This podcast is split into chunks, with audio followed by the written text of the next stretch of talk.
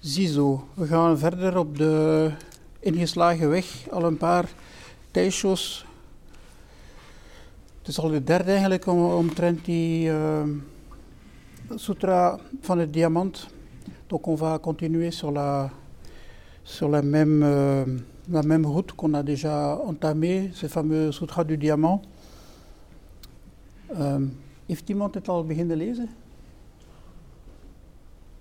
Ah, voilà, donc euh, c'est bien. En gaat het?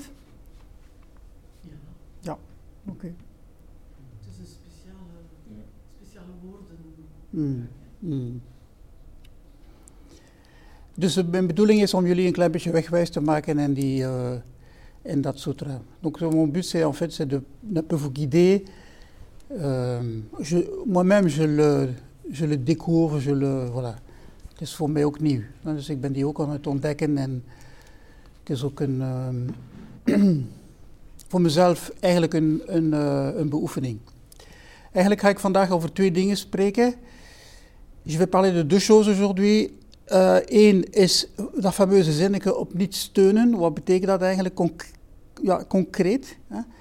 Ehm, en dan een tweede, er is een buitengewoon interessante logica die ik ga uit het doeken doen en ook van bord. Donc le premier c'est cette petite phrase, hein, ne, se fixer sur rien, ne s'appuyer sur rien, qu'est-ce que ça veut dire concrètement? Et puis un deuxième, c'est euh, la logique fondamentale de ce sutra, dont je vais un peu faire le dessin aussi sur le tableau pour vous aider. Ehm, dus om terug te komen op die fameuze een bodhisattva moet op niets steunen. Je hebt in het hoofdstuk 10 waarschijnlijk een van de meest beruchte zinnen uit de sutra. En die klinkt als volgt. Eigenlijk is dat een kopie van hetgeen dat we daar straks hoorden over de gift. Hè? De, de bodhisattva moet een gift geven en zo verder. Maar het gaat als volgt. Donc, euh, on va commencer avec euh, cette phrase, encore une fois, de se figer sur rien, ne s'appuyer sur rien. Et dans le chapitre 10, il y a une phrase qui est vraiment très, euh, très importante et qui est en fait un peu une sorte de copie, c'est comme un refrain de ce que je disais tout à l'heure dans le Kusen, ou, ce que le Bouddha disait concernant le, don. Donc la phrase est la suivante. Daarom moet door de bodhisattva een gedachte die op niets gebaseerd is voortgebracht worden. Er moet een gedachte voortgebracht worden die nergens op steunt, die niet op vorm, geluid, geur, smaak, het tastbaar of voorstelling steunt. Il en est réellement ainsi, les bodhisattvas grands êtres devraient cultiver, cultiver un esprit libre de toute fixation. Ils devraient cultiver un esprit qui ne se fige sur rien. Ils devraient cultiver un esprit qui ne s'appuie sur aucune forme, qui ne prend pas appui sur les sons, ni sur les odeurs, ni sur les saveurs, ni sur les tangibles, ni sur les phénomènes mentaux. Dus dat komt terug. Hein, ça- C'est vraiment un refrain, ça revient. Hein, cette histoire de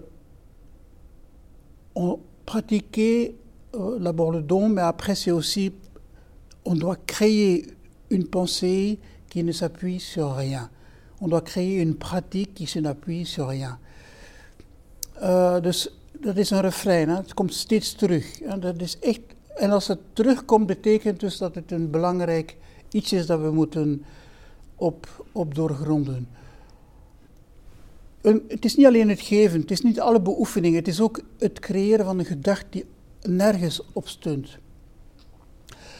Iedereen kent, denk ik, het zinnetje dat de, de legende, van de legende, het verhaal zegt dat meester Inno, van die later meester wordt, ontwaakt op het moment dat hij een zinnetje uit de uh, Diamant Sutra hoort. Donc il y a cette fameuse histoire que vous connaissez toutes de maître Inno, qui avant d'être maître, s'est éveillé, il était bûcheron, il s'est éveillé en entendant la phrase suivante, Wanneer de geest op niets verblijft, verschijnt de ware geest. Dat is wat we meestal horen. Hè? Quand l'esprit ne stagne sur rien, le véritable esprit apparaît. Ça, c'est la phrase qu'on entend tout le temps. Maar die zin staat niet in het sutra. Dat is interessant. Mais cette phrase n'est pas dans le sutra. La phrase, c'est celle que je viens de dire. Le bodhisattva doit créer, euh, cultiver un esprit qui ne se fige sur rien. Het is natuurlijk hetzelfde, maar het is toch lichtjes anders, vind ik.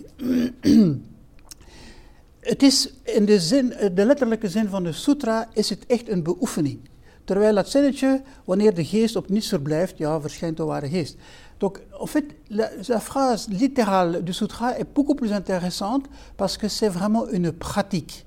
Le bodhisattva doit travailler, doit œuvrer à créer une pensée, à créer un état mental, à créer toutes ces actions à partir de rien du tout.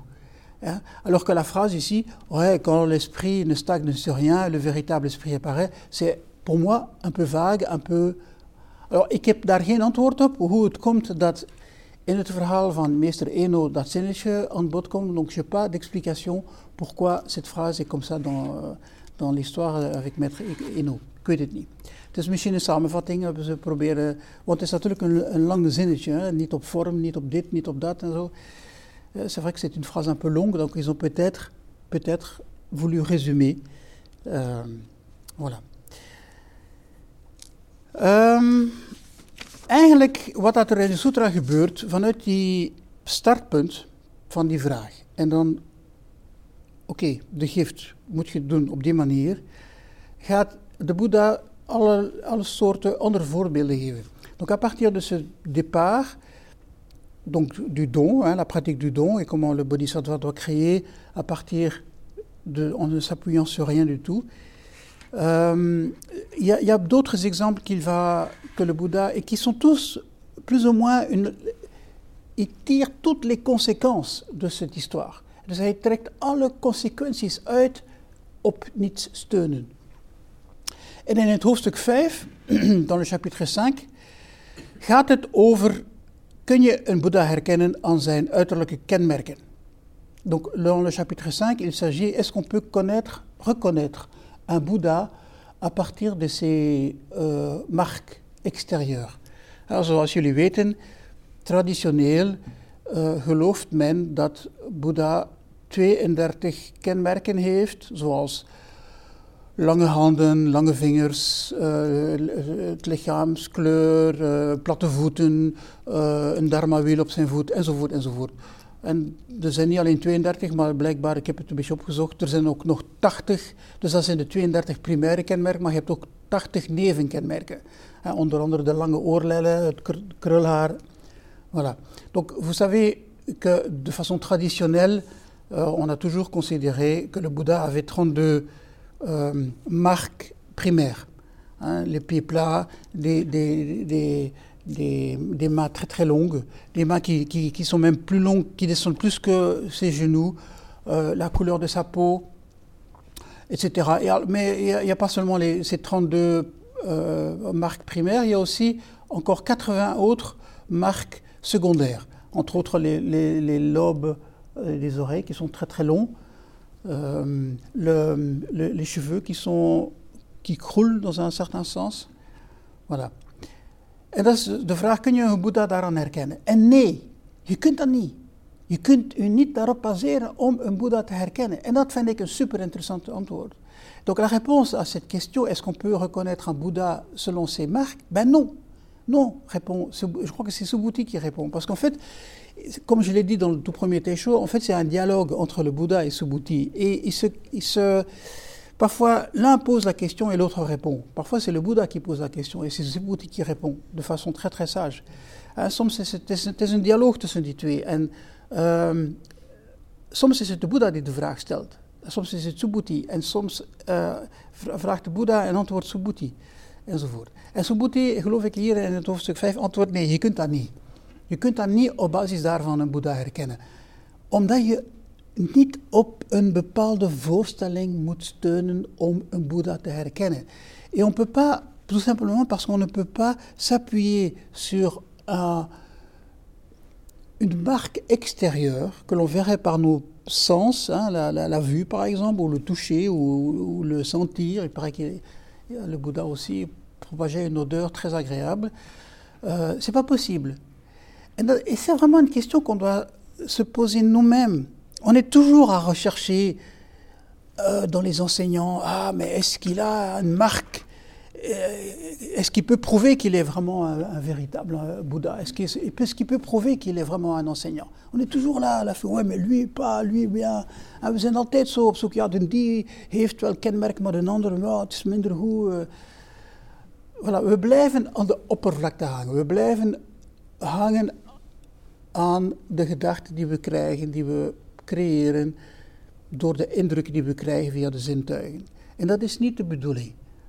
Donc on, on est toujours dans cette logique de trouver, de, de s'appuyer sur des impressions que l'on reçoit à partir de nos organes des sens.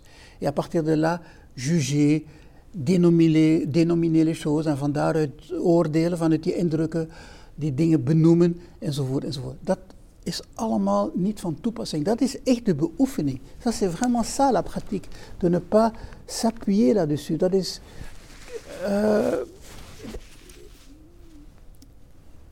ehm, hoe moet ik het zeggen?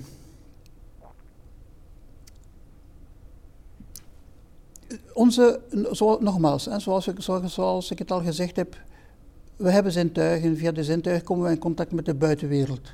We krijgen de informatie van de buitenwereld. En op basis daarvan gaan we ons oordeelvermogen ontwikkelen. Gaan we eh, de woorden benoemen. Gaan we dingen zeggen van dit is goed, dit is slecht. hè.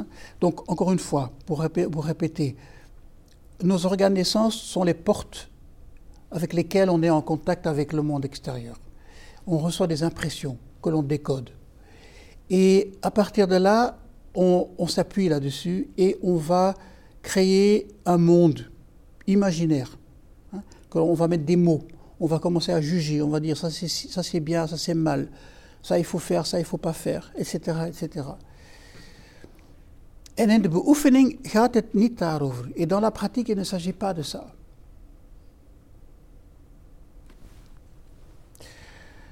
In hoofdstuk 6 hetzelfde eigenlijk. Hij zegt, dans le chapitre 6, c'est un peu la même chose. De zin is, evenmin treedt bij deze bodhisattva's, grote wezens, de voorstelling op van dharma, noch de voorstelling van niet-dharma. Dus geen voorstelling. Het gaat over dharma hier. Donc, dans la phrase du chapitre 6, qui est importante, et ces bodhisattvas grands êtres, il n'y a pas de place pour le concept de dharma. Il n'y a, et, et- non plus pour le concept de non-dharma. Aucune de ces idées n'a sa place en eux. Dat is interessant omdat we ons ook van de beoefening zelf, van de dharma, van het onderricht van de Boeddha, ons daar ook een voorstelling van maken. En idealiseren en, en we maken daar een heel verhaal over. Et donc ça c'est intéressant parce que également vis-à-vis de la pratique, on se fait tout un cinéma, on peut dire. De dharma, on se fait une idée parfois très idéalisée. En de Boeddha zegt, de bodhisattva is degene die zich daar geen voorstelling over maakt. En ook geen niet-voorstelling. Dus nog het een, nog het ander, dat is ook interessant. Et le, bodhi, le, bodhi, le Bouddha dit, le bodhisattva ne, s'appuie pas là-dessus, ne se fait pas une représentation, ne se fait pas une idée du dharma. Et non plus une idée du non-dharma. Ça c'est aussi intéressant. Hein, Ni l'un ni l'autre. Hoofdstuk 7 is, heel le chapitre 7 est très. euh, omdat het gaat over: heeft de Boeddha de Dharma verkregen? En heeft hij de Dharma onderwezen? Donc, c'est la, la question fondamentale où, où tout le monde répondrait oui. hein. Est-ce que le Bouddha a obtenu le Dharma Est-ce qu'il a enseigné le Dharma En de vraag is niet, nee, nee, nee, nee. Omdat je de Dharma niet kunt pakken. Je kunt dat niet vastgrijpen. Eh, De Dharma is onzegbaar. De, uh, de dharma is van de orde van iets, het ongeconditioneerde eigenlijk. Daarover gaat het gaan. Et c'est la, réponse, elle est non, parce que le dharma, c'est pas quelque chose qu'on peut s'approprier, qu'on peut dire, voilà, je l'ai obtenu. Voilà. C'est pas quelque chose de cet ordre-là. C'est, la, euh, le truc, c'est, le dharma, c'est de l'ordre de l'inconditionné. En dan wordt hier een beetje moeilijk, geef het toe. He, want dat is de dharma is onzichtbaar, ongrijpbaar, onmededeelbaar. En waarom, uh, zegt Subhuti? De edele personen zijn immers voortgekomen uit het ongeconditioneerde. De edele personen, dat zijn de bodhisattvas. Alors, parce que c'est ça. Donc le dharma est indicible, et on ne peut pas le, le saisir, on ne peut pas le communiquer. Alors la question c'est pourquoi? Et alors la réponse est parce qu'on reconnaît les êtres sublimes, les bodhisattvas, à l'inconditionné. En dat is hier een beetje moeilijk. Et, et maintenant, on, on, on, part dans un truc qui est, qui est compliqué parce que daar waar we ons geen beeld van kunnen maken, kunnen we daar dan ook niet over spreken. En toch heeft de Boeddha daarover gesproken. Donc, ce qu'on ne peut pas dire, ce qu'on ne peut pas indiquer, ce qu'on ne peut pas se faire une, une, une représentation, hein, ce, fameux inconditionné, ce nirvana, hein, cette extinction, eh ben, il faut comment faire? Comment le, communiquer? Comment le... Pourtant, le Bouddha en a parlé. Et il existe des, beaucoup de, d'extraits dans les sutras Pali où le Bouddha parle du nirvana. Et il essaie d'expliquer ce que c'est. En dus er zijn nogal wat uh, plaatsen Pali en de Pali Sutras, dus de oude sutras, niet de Sutra, maar de, vroege sutras, waarvan we menen dat die echt door de historische Boeddha zijn uitgesproken, dont on, ces, anciens sutras dont on est quasiment sûr historiquement que c'est le Bouddha qui les a euh, exprimés. Il s'est exprimé là-dessus aussi, hein, sur cette histoire du nirvana, de, cette, cet état inconditionné. En vind je Udana. Udana is een, reeks sutras van de, zeer korte teksten. Ja, de verzameling van de korte teksten. Je weet dat de sutras uh, onderverdeeld zijn in middellange, lange, uh, thematisch geordend, de korte tekst. Voilà. Daarin vind je een aantal interessante zaken. Donc, comme vous savez, les, ces sutras pali sont... Euh, Euh, ils ont été divisés dans les textes longs, les textes moyens, les textes courts. Et, et ceux-là, le Udana, c'est les textes courts. En ik ga even, dat zijn hier de woorden van de Boeddha. Um, monniken, er is een dimensie, er is die dimensie waar nog aarde, nog water, nog vuur, nog wind is. Nog de dimensie van de oneindigheid van ruimte noch de dimensie van de oneindigheid van bewustzijn, noch de dimensie van het niets, noch de dimensie van nog waarneming, nog niet-waarneming. Nog deze wereld, nog de volgende wereld, nog zon, nog maan. En daar, zeg ik, is nog komen, nog gaan, nog blijven, nog heen gaan, nog ontstaan, niet gevestigd, niet evolueren, zonder steun, zonder steun. Dit Precies dit is het einde van het lijden. Donc la phrase est la suivante. Il y a cette dimension, moine, où il n'y a ni terre, ni eau, ni feu, ni vent, ni dimension de l'infinitude de l'espace, ni dimension de l'infinitude de la conscience, ni dimension du néant, ni dimension de la perception ou de la non-perception ni ce monde, ni le monde suivant, ni le soleil, ni la lune. Et là, dis-je, il n'y a ni venue, ni départ, ni séjour, ni disparition, ni apparition, non établi, non évolutif, sans support, sans support. Ceci, juste ceci, est la fin de la souffrance.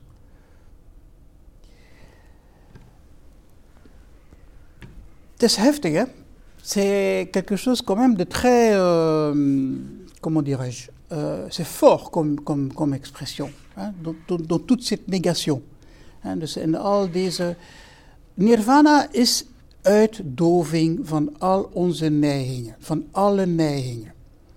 le nirvana, c'est l'extinction de toutes nos tendances. Et ça, c'est l'expression de ça. Et c'est la fin de la souffrance. Pour le Bouddha, c'était ça le but ultime de la pratique. Atteindre le nirvana. Hoe te benaderen. Want Boeddha gebruikte heel veel hier in deze, in passage. Hein. Essayons de voir maintenant ça de façon positive. Il, il, utilise beaucoup la négation, il n'y a pas ci, il n'y a pas ça, hein, etc. Mais comment est-ce aborder la chose de façon concrète? uh, C'est toujours la même chose. Hein. Hoe kunnen we dat op een concrete manier? Quelque chose qui est plus dans le bevestiging, dan plus dans l'affirmation. Wel, zazen. Keert terug naar de zazen. Retournez le, zazen. De retour à zazen. Wat ik in de kussen zei, wat zegt zazen u? Qu'est-ce que zazen nous instruit? Qu'est-ce qui nous chuchote? Qu'est-ce que le zazen nous... Continuellement, le zazen est présent.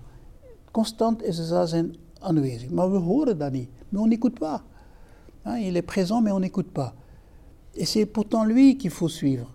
Hein? Die, die, die, die, die, dat bewustzijn van zazen die we allemaal kennen. En die rust en kalmte. En die eenvoud van die ademhaling hier. Inademing en uitademing. Daar heb je het antwoord. Donc c'est vraiment là où il faut chercher la réponse. Dans, cette, dans ce calme profond, cette, cet état paisible où il n'y a que cette respiration maintenant, inspiration, expiration, il n'y a que ça. Voilà. Ben, la réponse, elle arrive là. C'est là où il faut aller la chercher. Is daar dat je het antwoord moet gaan zoeken. En daarom spreekt, denk ik, de, de, de, een, een plek. En Nirvana is een soort plek. Het is de plek van zazen. Het is de dimensie van zazen. En c'est pour ça que le Bouddha parle d'un lieu où il n'y a pas, etc. Mais c'est un lieu. Mais c'est le lieu de zazen. Het is de plek waar onze klassieke oriëntering verdwijnen. C'est le lieu où nos points de repère, nos points d'orientation disparaissent. En dat wordt interessant. Et ça, ça devient intéressant. Natuurlijk, heel veel mensen krijgen daar enorm veel schrik van. C'est sûr que pour beaucoup de gens, ça, ça doit être effroyable, ça. Perdre tous ces points de repère. Maar dat is een kans dat je moet grijpen. Mais c'est vraiment une, une, une chance d'avoir ça. De pouvoir sortir de ces points de repère. De pouvoir s'éveiller à la réalité telle qu'elle est. Sans les points de repère qu'on s'est créés nous-mêmes.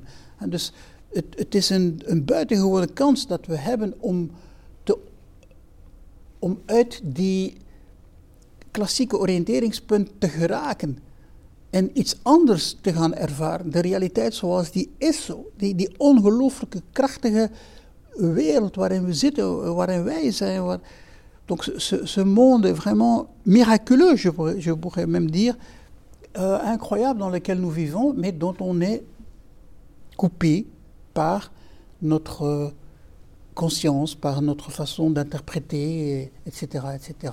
En we zijn daarvan gescheiden door ons bewustzijn, door onze constructies die we gemaakt hebben, door de woorden die we gebruiken. Surtout à cause de la façon dont on dénomine les choses, dont on colle des mots sur la réalité. On, on, on se coupe de la réalité à cause de ça. Dus door de woorden te gebruiken die we plakken op de dingen, scheiden we ons van die dingen.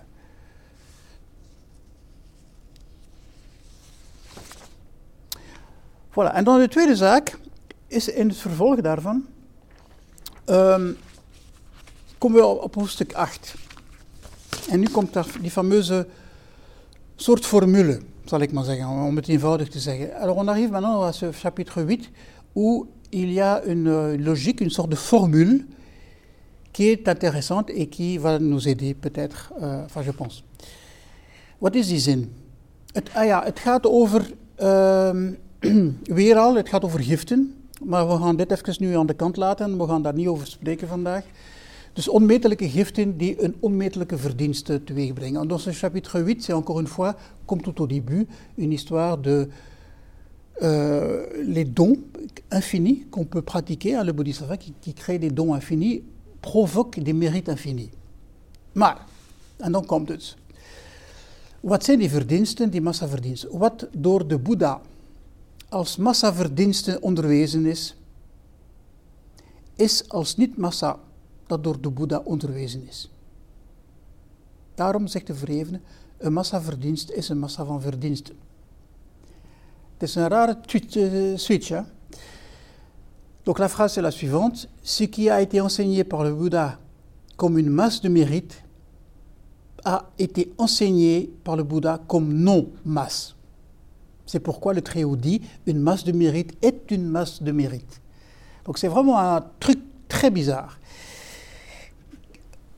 Affirmation, négation et une dernière affirmation. Ik ga dat even op het bord zetten. Donc ja, er is een, een, een bevestiging, er is een negatie van die bevestiging en toch wordt die, die bevestiging nog eens herhaald.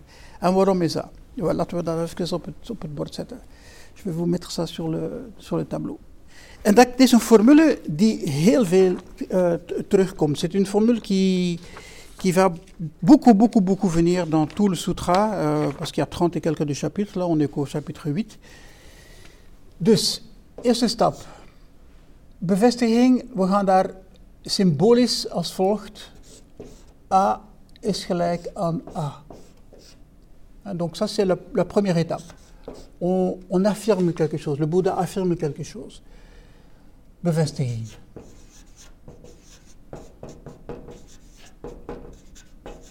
Affirmation.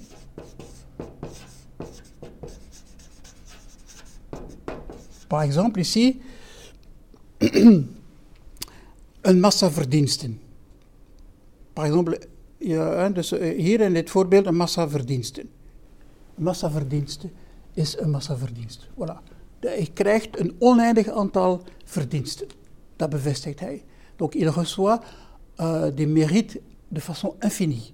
Donc ça, il l'affirme. Twee, A is eigenlijk niet A. Negatie. Négation, affirmation.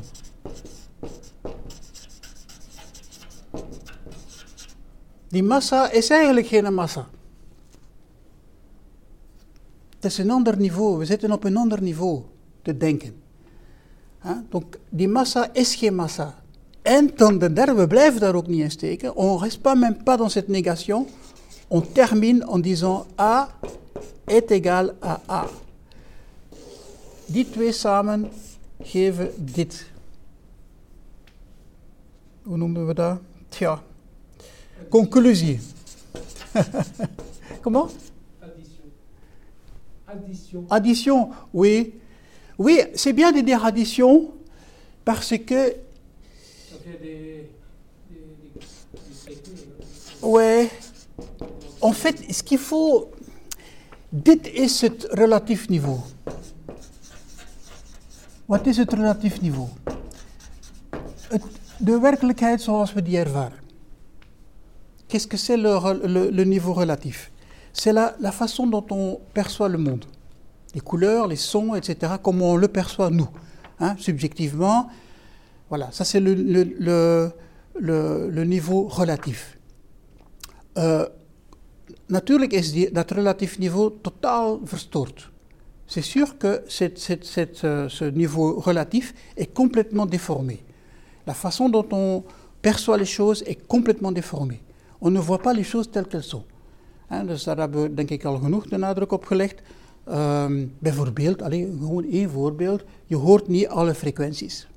Par exemple, un tout simple exemple euh, dont j'ai déjà parlé, on n'entend pas toutes les fréquences. On entend du 20, 20 Hz à 20, à 20 kHz. Voilà. Au-delà, les eh, infrasons et les ultrasons, on ne les entend plus. Les chiens, eux, ils les entendent.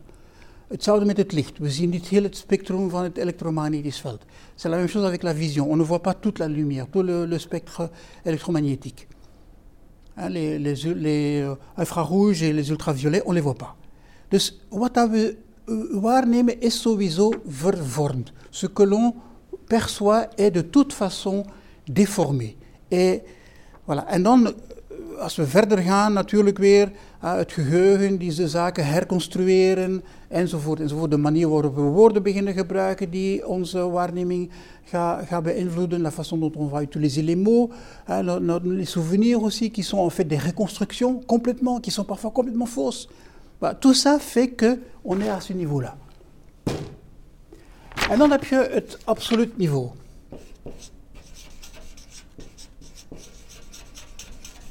Le niveau absolu. Dat is de ervaring van de wereld vanuit vanuit de nirvana, vanuit het op niets steunen. Ça, c'est vraiment l'expérience de soi et du monde et de la vie à partir de Zazen. Qu'est-ce qu'on ressent à partir de Zazen C'est ça, c'est le, le niveau absolu. En je moet die twee op elkaar plaatsen. Ce sont deux images. Il faut mettre les deux, comme tu dis, additionner. Il faut additionner les deux images l'une sur l'autre. Het is zowel dit als dat. Dit, die negatie is niet een ontkenning van het relatief niveau. Het is gewoon de twee samen. En dat is waar we dan uit, eh, op uitkomen. Donc, le- la négation ici ne, ne, ne, ne va pas dénier le relatif, le niveau relatif. C'est simplement qu'il faut avoir la grande sagesse, la grande sagesse de voir les deux en même temps. Dat is de clou. C'est ça tout, le. Donc on ne nie pas, on nie rien du tout. Simplement qu'on dit, voilà, cette masse, c'est pas une masse.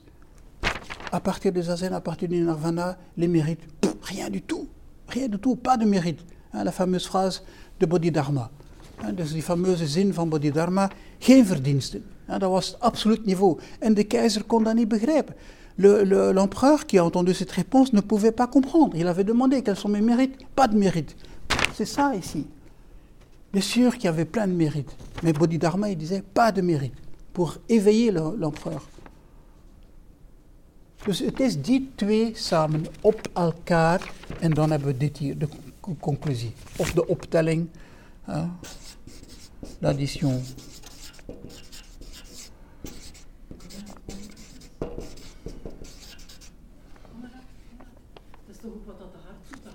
Ja, Dat is compleet, is de Ja, ja. Ja. zijn gelijk. ja, ja, ja, inderdaad. Klopt. Maar het is een interessant, ik vind dat een buit, toen ik dat, eigenlijk die, die logica heb ik voor de eerste keer bij Dogen ontdekt. Het is, eh, het is dharma, maar het is eigenlijk geen dharma en daarom noemen we het dharma, bijvoorbeeld. Hè? Ik vond dat geweldig, ik vond dat poëtisch. Hè? J'ai- la première fois que j'ai entendu ce- ce- cette façon de, de- de- de- cette logique, c'était dans les textes de Maître Dogen. Mais en fait, lui, il s'appuie sur le Sutra du Diamant. Il dit plein de trucs dans le sens, c'est le Dharma, mais en fait, c'est pas le Dharma, et c'est pour ça qu'on l'appelle le Dharma. Voilà, et j'ai trouvé ça merveilleux parce que ça me faisait un suite comme ça, et puis j'ai trouvé ça très poétique, et voilà. Maar er zit veel meer dan alleen maar poëzie hierin. Il y a plus que simplement de poëzie là-dedans. En dus gaat het eigenlijk. ehm, ja, er zijn nog zo van die voorbeelden. Hè, dus, maar onthoud dit: hè? de bevestiging, de negatie. En wat is de uitkomst daarvan? Nog eens de bevestiging. Maar dan met de kennis dat dat eigenlijk niet helemaal klopt. Donc en fait, il y a l'affirmation, la négation, et le but de tout ça, on en revient à l'affirmation, tout en sachant que c'est pas vrai. Dat is eigenlijk het, dit is bevrijdend. C'est ça qui nous va nous libérer de nos co- co- cogitations, de nos coagulations mentales, eh, vanuit onze... Ja, het is, het is van daaruit dat, dat echt de bevrijding kan komen. Van de wereld anders te zien. Onszelf anders te zien. Eh, ons, ons, onze overtuiging, onze opinies elke keer dat je iets beweert, zoals ik het betwijfelt en zegt eens tegendeel. En probeert dan eens te zien wat gebeurt er dan. Donc, chaque fois qu'on affirme quelque chose, dans la vie quotidienne, hein, parce que vraiment, moi je suis convaincu que c'est une pratique. Het is echt een. Dans la vie quotidienne, quand, à chaque fois que vous affirmez quelque chose, arrêtez et pensez le la, la négation de ça. Eentje die vernietigend is geweest, is die fameuze zin die we heel veel gehoord hebben, zen is sa zen. Hm? Un, un qui est vraiment destructeur dans les affirmations, euh, c'est cette fameuse phrase qu'on a beaucoup entendue, le zen c'est sa zen. C'est terrible, c'est terrible. Zen is eens, denk een keer over na, eh, eh, posez-vous la question, zen is, is niet zo zen? Waar kom, waar kom je dan op uit?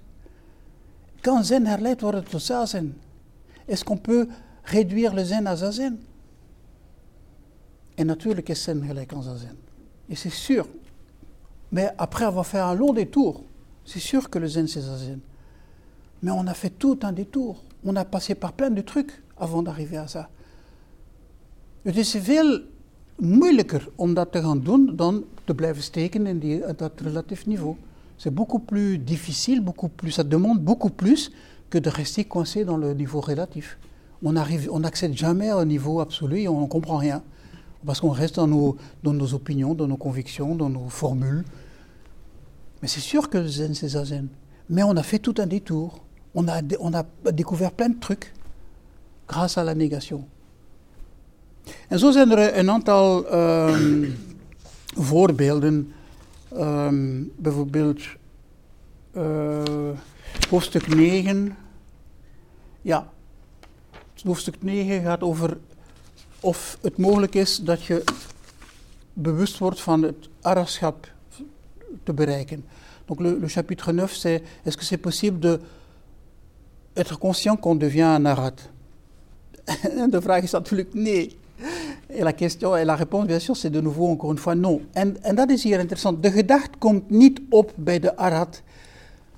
De gedachte komt niet op bij de arat. Door mij is de vrucht van het arashab ber- verkregen. En waarom? Er is geen enkele entiteit die arat heet. Daarom wordt hij arat genoemd. En donc la phrase c'est La pensée ne vient pas à l'arat. Par moi, le fruit de la rate est obtenu. Et pourquoi? Parce qu'il n'y a pas d'entité appelée arat. C'est pourquoi il est appelé arat. Donc voilà, les trois. Tac, tac, tac. Un arat, un saint, qui a, qui a dépassé toutes ses, euh, ses tendances, euh, son karma. Son karma, oui, c'est ça que tu dis? Ouais. C'est dix entraves. Ses dix entraves, voilà la colère, euh, euh, l'envie, euh, le dé- les désirs, euh, oui, voilà, il y a- il y a- les rituels. Dat was in het, in het Arhat is het, euh, dans le Theravada, c'est l'idéal. C'est celui qui est complètement détaché du tout, qui est dans, dans un état, voilà, qui est presque celui de l'éveil complet. Voilà, c'est ça l'Arhat. Chez- Dans, dans le, Mahayana, c'est un peu moins important. Nous, c'est l'idéal du Bodhisattva. Voilà. Maar je zou hetzelfde kunnen zeggen over de bodhisattva. Er is geen entiteit die bodhisattva noemt. On pourrait dire la même chose bodhisattva. Il n'y a pas une entité qui s'appelait bodhisattva. C'est pour ça qu'on l'appelle bodhisattva. En daarom wordt die bodhisattva genoemd. In hoofdstuk 10, die eigenlijk, ehm, en daarmee ga ik eindigen. Hè. Is er nog een ander voorbeeld? Au, au chapitre 10, euh, dont j'avais déjà cité la, la première phrase, euh, il, de Boeddha vergelijkt eh, die bodhisattva die geen, gedachte, die, die geen enkele gedachte op iets steunt, produceert, als iemand met een heel, heel, heel groot lichaam. Donc le euh, après avoir dit que le bodhisattva doit euh, créer une pensée qui ne s'appuie sur rien, il dit, on peut comparer ça à quelqu'un qui a un, corps immense, mais vraiment immense, immense, immense, aussi grand que la montagne Sumeru, la plus grote montagne qu'il y avait à l'époque. Uh, dus zo groot als de Sumeru-berg, dat was de hoogste berg toen. En Subhuti zegt, dus dat, ja, ja, het is een groot lichaam, un, un très grand corps. En hij zegt, een lichaam is een lichaam. Affirmatie. Als niet zijn is het door de Tathagata verkondigd. Negatie. Daarom wordt het lichaam genoemd. Donc, Subhuti répond à ça et dit c'est vrai, c'est un grand corps. Un corps est un corps. Ça, c'est affirmation. En tant que non-être, il a été proclamé par le Tathagata, un Bouddha. C'est pourquoi, négation ça, c'est pourquoi on l'appelle corps. De derde stap, de optelling. Ja, je kunt zeggen dat is allemaal nogal abstract. Ja, misschien, on peut, maintenant on pourrait peut-être dire tout ça c'est quand même assez abstrait. Maar past het toe in je leven? Euh, néanmoins, je vous convie à l'expérimenter dans la vie. Nogmaals, elke keer dat je op het punt staat iets te beweren, doe een stap terug, denk aan de négatie. À chaque fois que vous allez affirmer quelque chose, faites un pas en arrière. Faites un pas en arrière. Et voyez ce qui va se passer. Et pensez la chose de, de, de l'autre côté, à partir du zazen, à partir de, de l'inconditionné. En dus vanuit zazen, vanuit het ongeconditioneerd. Doe de test.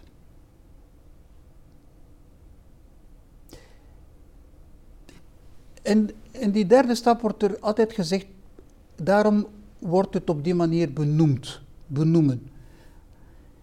En fait, het is, het is echt een probleem van, ik denk dat dat echt ons fundamenteel probleem is. Donc, dans beaucoup des exemples dans le sutra, le, la troisième étape, c'est, c'est pour ça qu'on l'appelle le, le, l'entité, le truc là.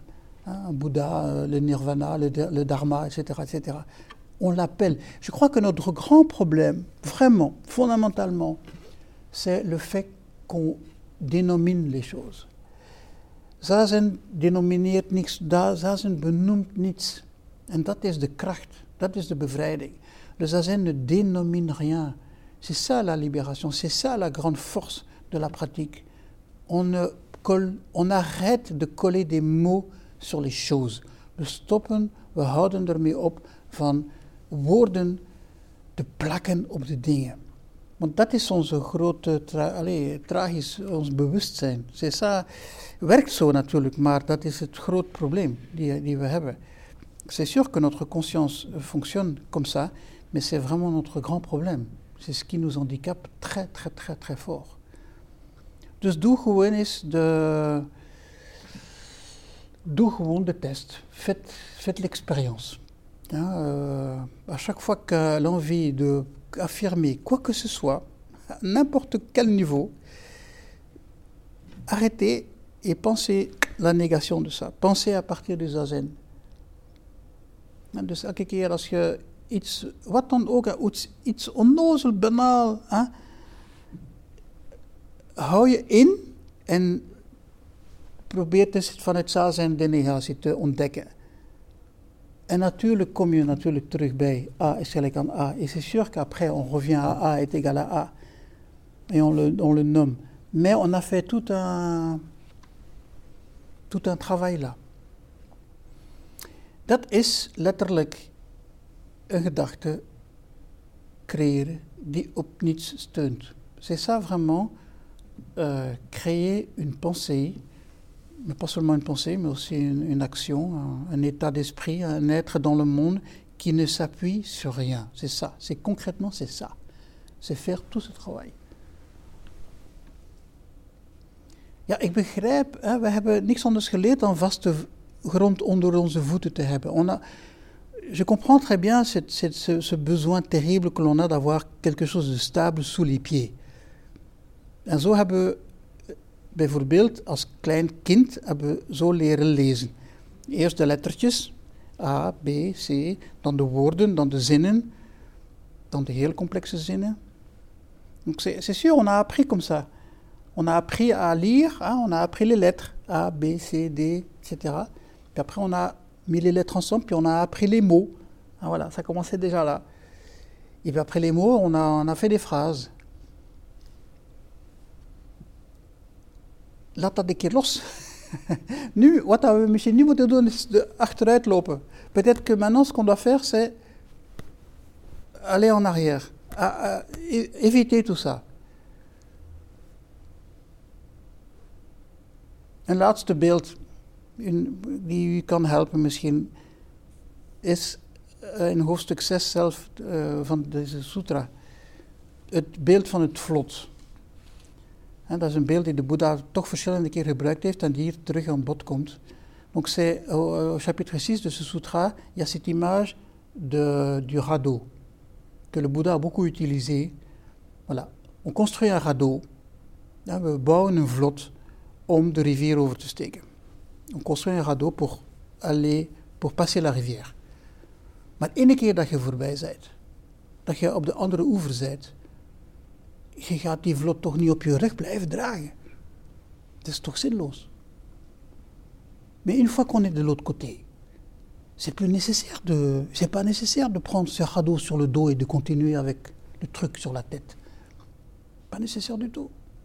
Laat, laat dat los. Laissez tomber cette, ce radeau. Dat is wat de sutra ons uitnodigt te doen. C'est ça vraiment ce à quoi ce sutra nous invite à faire. Voilà. Bonne pratique. Een goede beoefening.